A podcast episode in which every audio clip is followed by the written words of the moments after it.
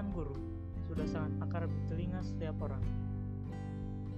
Istilah guru sebagai pahlawan tanpa tanda jasa tidaklah menjadi hal yang asing di telinga kita. Mengingat bagaimana para guru berjuang membebaskan rakyat Indonesia dari kebodohan di tengah segala keterbatasan media, fasilitas, dan penjajahan. Guru adalah pribadi yang sangat berjasa dalam menuntut seorang sejak masa kecil sampai usia sekolah agar terbebas dari kebodohan. Guru mengajar dan mendidik sampai siswa yang menjadi mengerti dan memahami hal-hal yang sebelumnya belum diketahui. Guru bukan sekedar mengajar, melainkan berusaha memanusiakan seseorang agar benar-benar menjadi manusia yang cerdas, berakhlak, dan sukses. Guru sering diaj Guru sering dijadikan objek kemarahan oleh siswa dan bahkan orang tua siswa. Sebagai guru, kebanyakan tetap bersabar dan bahkan masih tetap bertahan untuk terus menjadi seorang pendidik yang baik. Guru adalah pribadi yang bekerja tanpa mengenal waktu.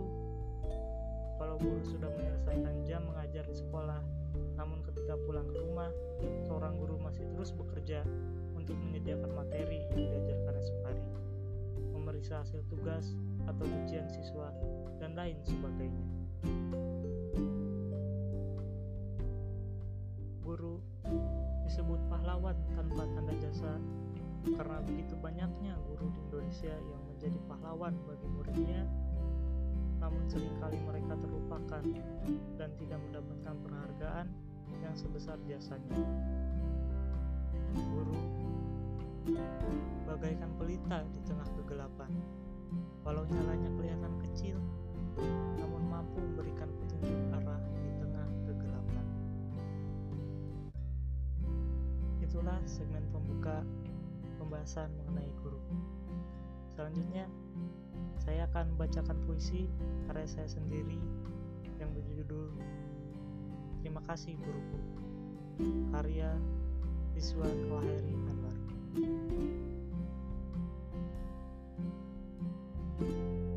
Guruku adalah matahariku. Selalu hadir mengisi pagiku. Menyinari setiap langkahku. Terima kasih Guruku.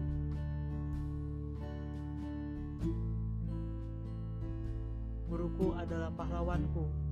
Tidak pernah lelah mengajariku, melenyapkan kebodohan dalam diriku. Terima kasih, guruku. Guruku adalah inspirasiku, menunjukkan keteladanan padaku.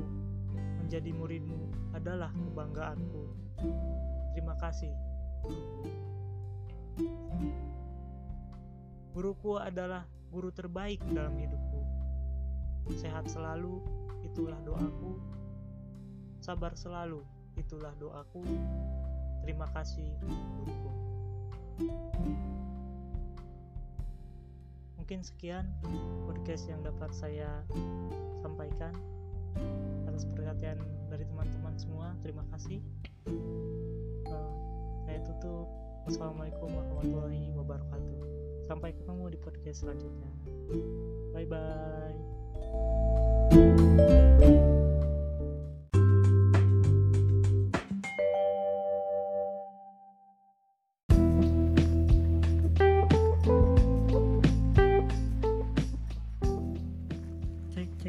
Cek son son son cek oh, oh, oh. cek son son cek cek cek cek cek cek son son son son son son son son son cek cek cek cek son son son son cek son ya saya Rizal Anwar akan menjelaskan mengenai desentralisasi pendidikan pada masa Presiden B.J. Habibie 1998 1999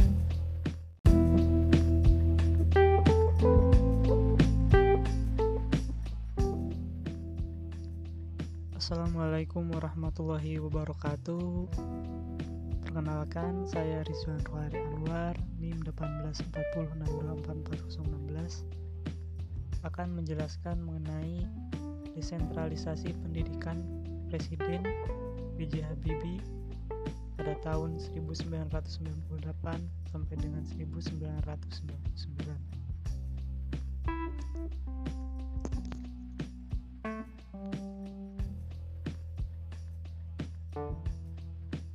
Pendidikan sendiri terus mengalami perkembangan, mulai dari masa praksara, masa Hindu-Buddha, masa Islam, masa kolonialisme, masa awal kemerdekaan, masa Orde Lama, masa Orde Baru, dan masa reformasi sampai dengan sekarang. Setiap pendidikan memiliki corak atau ciri khas masing-masing pada zamannya. Kali ini kita akan bahas mengenai corak pendidikan pada masa reformasi lebih spesifiknya lagi, pada masa pemerintahan Presiden Baharudin Yusuf Habibie dan lebih spesifiknya lagi kita akan bahas mengenai desentralisasi pendidikan pada masa pemerintahan Presiden Baharudin Yusuf Habibie. Pada masa Orde Baru yang dipimpin oleh Presiden Soeharto, seluruh kebijakan baik itu kebijakan pendidikan, ekonomi, sosial, politik, dan budaya, itu cenderung sentralistik. Dan adanya uniformisasi atau penyeragaman di berbagai bidang. Pada era reformasi yang dipimpin oleh Presiden Baharudin Yusuf Habibie memercikan harapan baru akan suasana demokratis di segala bidang, termasuk bidang pendidikan. Presiden B.J. Habibie menjalankan masa tradisi. Presiden Baharudin Yusuf Habibie menjalankan masa transisi dari sentralistik menuju desentralistik. Presiden B.J. Habibie melakukan reformasi di bidang pendidikan Tujuan reformasi di bidang pendidikan adalah untuk meningkatkan mutu pendidikan yang sesuai dengan kebutuhan dan dinamika yang berkembang dalam kehidupan masyarakat. Presiden B.J. Habibie membebaskan pembayaran SPP sumbangan pembinaan pendidikan dari mulai SD hingga SMP sederajat. Presiden B.J. Habibie melakukan penghapusan terhadap normalisasi kehidupan kampus karena normalisasi kehidupan kampus ini dianggap menghambat kebebasan dan kreativitas mahasiswa.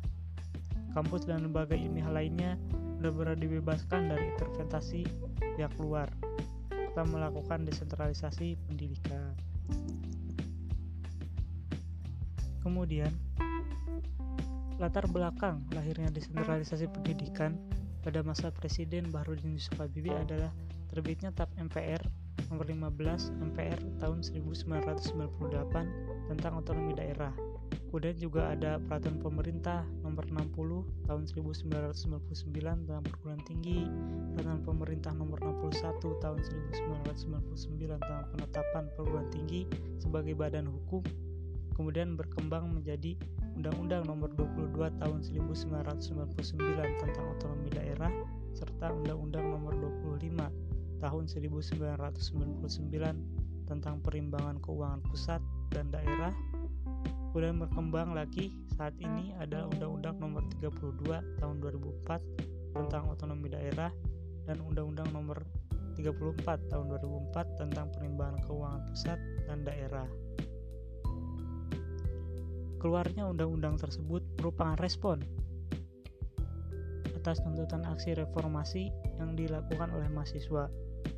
Menurut Undang-Undang Nomor 22 Tahun 1999, kewenangan pemerintah pusat itu berupa aspek-aspek makro seperti pertahanan keamanan, hubungan luar negeri, urusan moneter, agama, dan peradilan. Sementara pemerintahan daerah diberikan 11 jenis kewenangan di mana dari 11 jenis kewenangan tersebut salah satunya adalah tentang pendidikan dan kebudayaan yang tercantum dalam Undang-Undang Nomor 22 Tahun 1999 Bab 4 Pasal 11 Undang-Undang Nomor 22 Tahun 1999 Sementara pemerintahan daerah diberikan 11 jenis kewenangan, di mana salah satunya adalah tentang pendidikan dan kebudayaan yang tercantum dalam Undang-Undang Nomor 22 Tahun 1999 Bab 4 Pasal 11 yang memberikan wewenang kepada pemerintah daerah untuk mengelola. Sementara pemerintahan daerah diberikan 11 jenis kewenangan di mana salah satunya adalah tentang pendidikan dan kebudayaan yang tercantum dalam Undang-Undang Nomor 22 Tahun 1999 Bab 4 Pasal 11. Dengan lahirnya Undang-Undang Nomor 22 Tahun 1999 ini memberikan wewenang kepada pemerintah daerah untuk mengelola pendidikannya sendiri atau desentralisasi pendidikan.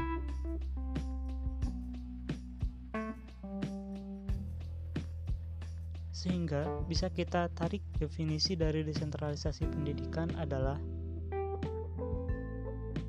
suatu bentuk penyerahan ke sehingga dapat kita tarik definisi dari desentralisasi pendidikan adalah suatu bentuk penyerahan wewenang kekuasaan dari pemerintah pusat kepada pemerintah daerah untuk menyelenggarakan pendidikan berupa perencanaan, pengembangan, pelaksanaan, dan evaluasi agar berjalan lebih efektif dan efisien sesuai dengan potensi daerahnya masing-masing. Tentu, desentralisasi pendidikan ini harus berdasarkan aspirasi masyarakat yang sesuai dengan peraturan perundang-undangan yang berlaku. Meskipun pemerintah daerah diberikan kewenangan untuk mengatur pada aspek-aspek mikro pendidikan yang luas, tetapi aspek-aspek makro pendidikan masih tetap menjadi kewenangan pemerintah pusat. Setiap kebijakan memiliki kelebihan dan kekurangan, tak terkecuali pada kebijakan desentralisasi pendidikan yang dikeluarkan oleh Presiden B.J. Habibie. Kita akan bahas mengenai kelebihannya terlebih dahulu. Kelebihan yang pertama adalah memperkokoh wewenang pemerintah daerah dalam mengatur kebijakan pendidikan dari prasekolah sampai dengan SMA atau sekolah menengah atas. Kemudian yang kedua, mampu mewadahi setiap heterogenitas atau perbedaan daerah, sekolah, serta peserta didik. Berbeda ketika zaman Orde Baru, di mana terjadi penyeragaman. Ketika pada masa Presiden B.J. Habibie ini, diberikan otonomi sehingga pemerintah daerah bisa mengembangkan pendidikannya sesuai dengan potensi daerah masing-masing. Kemudian yang ketiga, dapat melakukan inovasi dan pengembangan pendidikan sesuai dengan potensi daerah masing-masing. Kemudian yang keempat, menghidupkan partisipasi masyarakat dalam proses pendidikan. Setelah kita membahas mengenai kelebihan dari kebijakan desentralisasi pendidikan, kita akan bahas mengenai kekurangannya. Yang pertama adalah masyarakat belum siap menerima perubahan. Hal ini disebabkan karena SDM atau sumber daya manusia yang belum memadai, sarana prasarana yang belum memadai, serta pendapatan asli daerah atau PAD yang masih rendah, serta psikologis masyarakat yang takut akan pembaharuan dan perubahan. Yang pertama adalah masyarakat belum siap menerima perubahan. Hal ini disebabkan karena sumber daya manusia. Yang pertama adalah masyarakat belum siap menerima perubahan. Hal ini disebabkan karena sumber daya manusia yang belum memadai, sarana prasarana yang belum memadai, pendapatan asli daerah atau PAD yang masih rendah, serta psikologis dari masyarakat yang takut akan pembaruan dan perubahan. Yang kedua, pemerintah daerah memikirkan mencari sarana dan prasarana secara mandiri yang menimbulkan kesenjangan antara daerah yang memiliki pendapatan asli daerah yang tinggi dengan daerah yang memiliki pendapatan asli daerah yang rendah. Yang ketiga, pemerintah daerah dapat melakukan rekrutmen pegawai atau pejabat di bidang pendidikan. Hal ini dapat memungkinkan munculnya KKN atau korupsi, kolusi, dan nepotisme.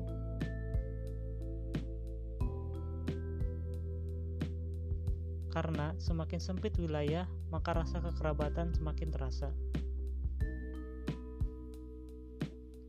Kemudian yang keempat, berisiko terjadinya hiperotonomi, di mana hiperotonomi ini akan memunculkan perilaku separatisme yang akan mengancam kesatuan dari NKRI. Salah satu contohnya adalah lepasnya Timur Timur yang menjadi negara Timur Leste.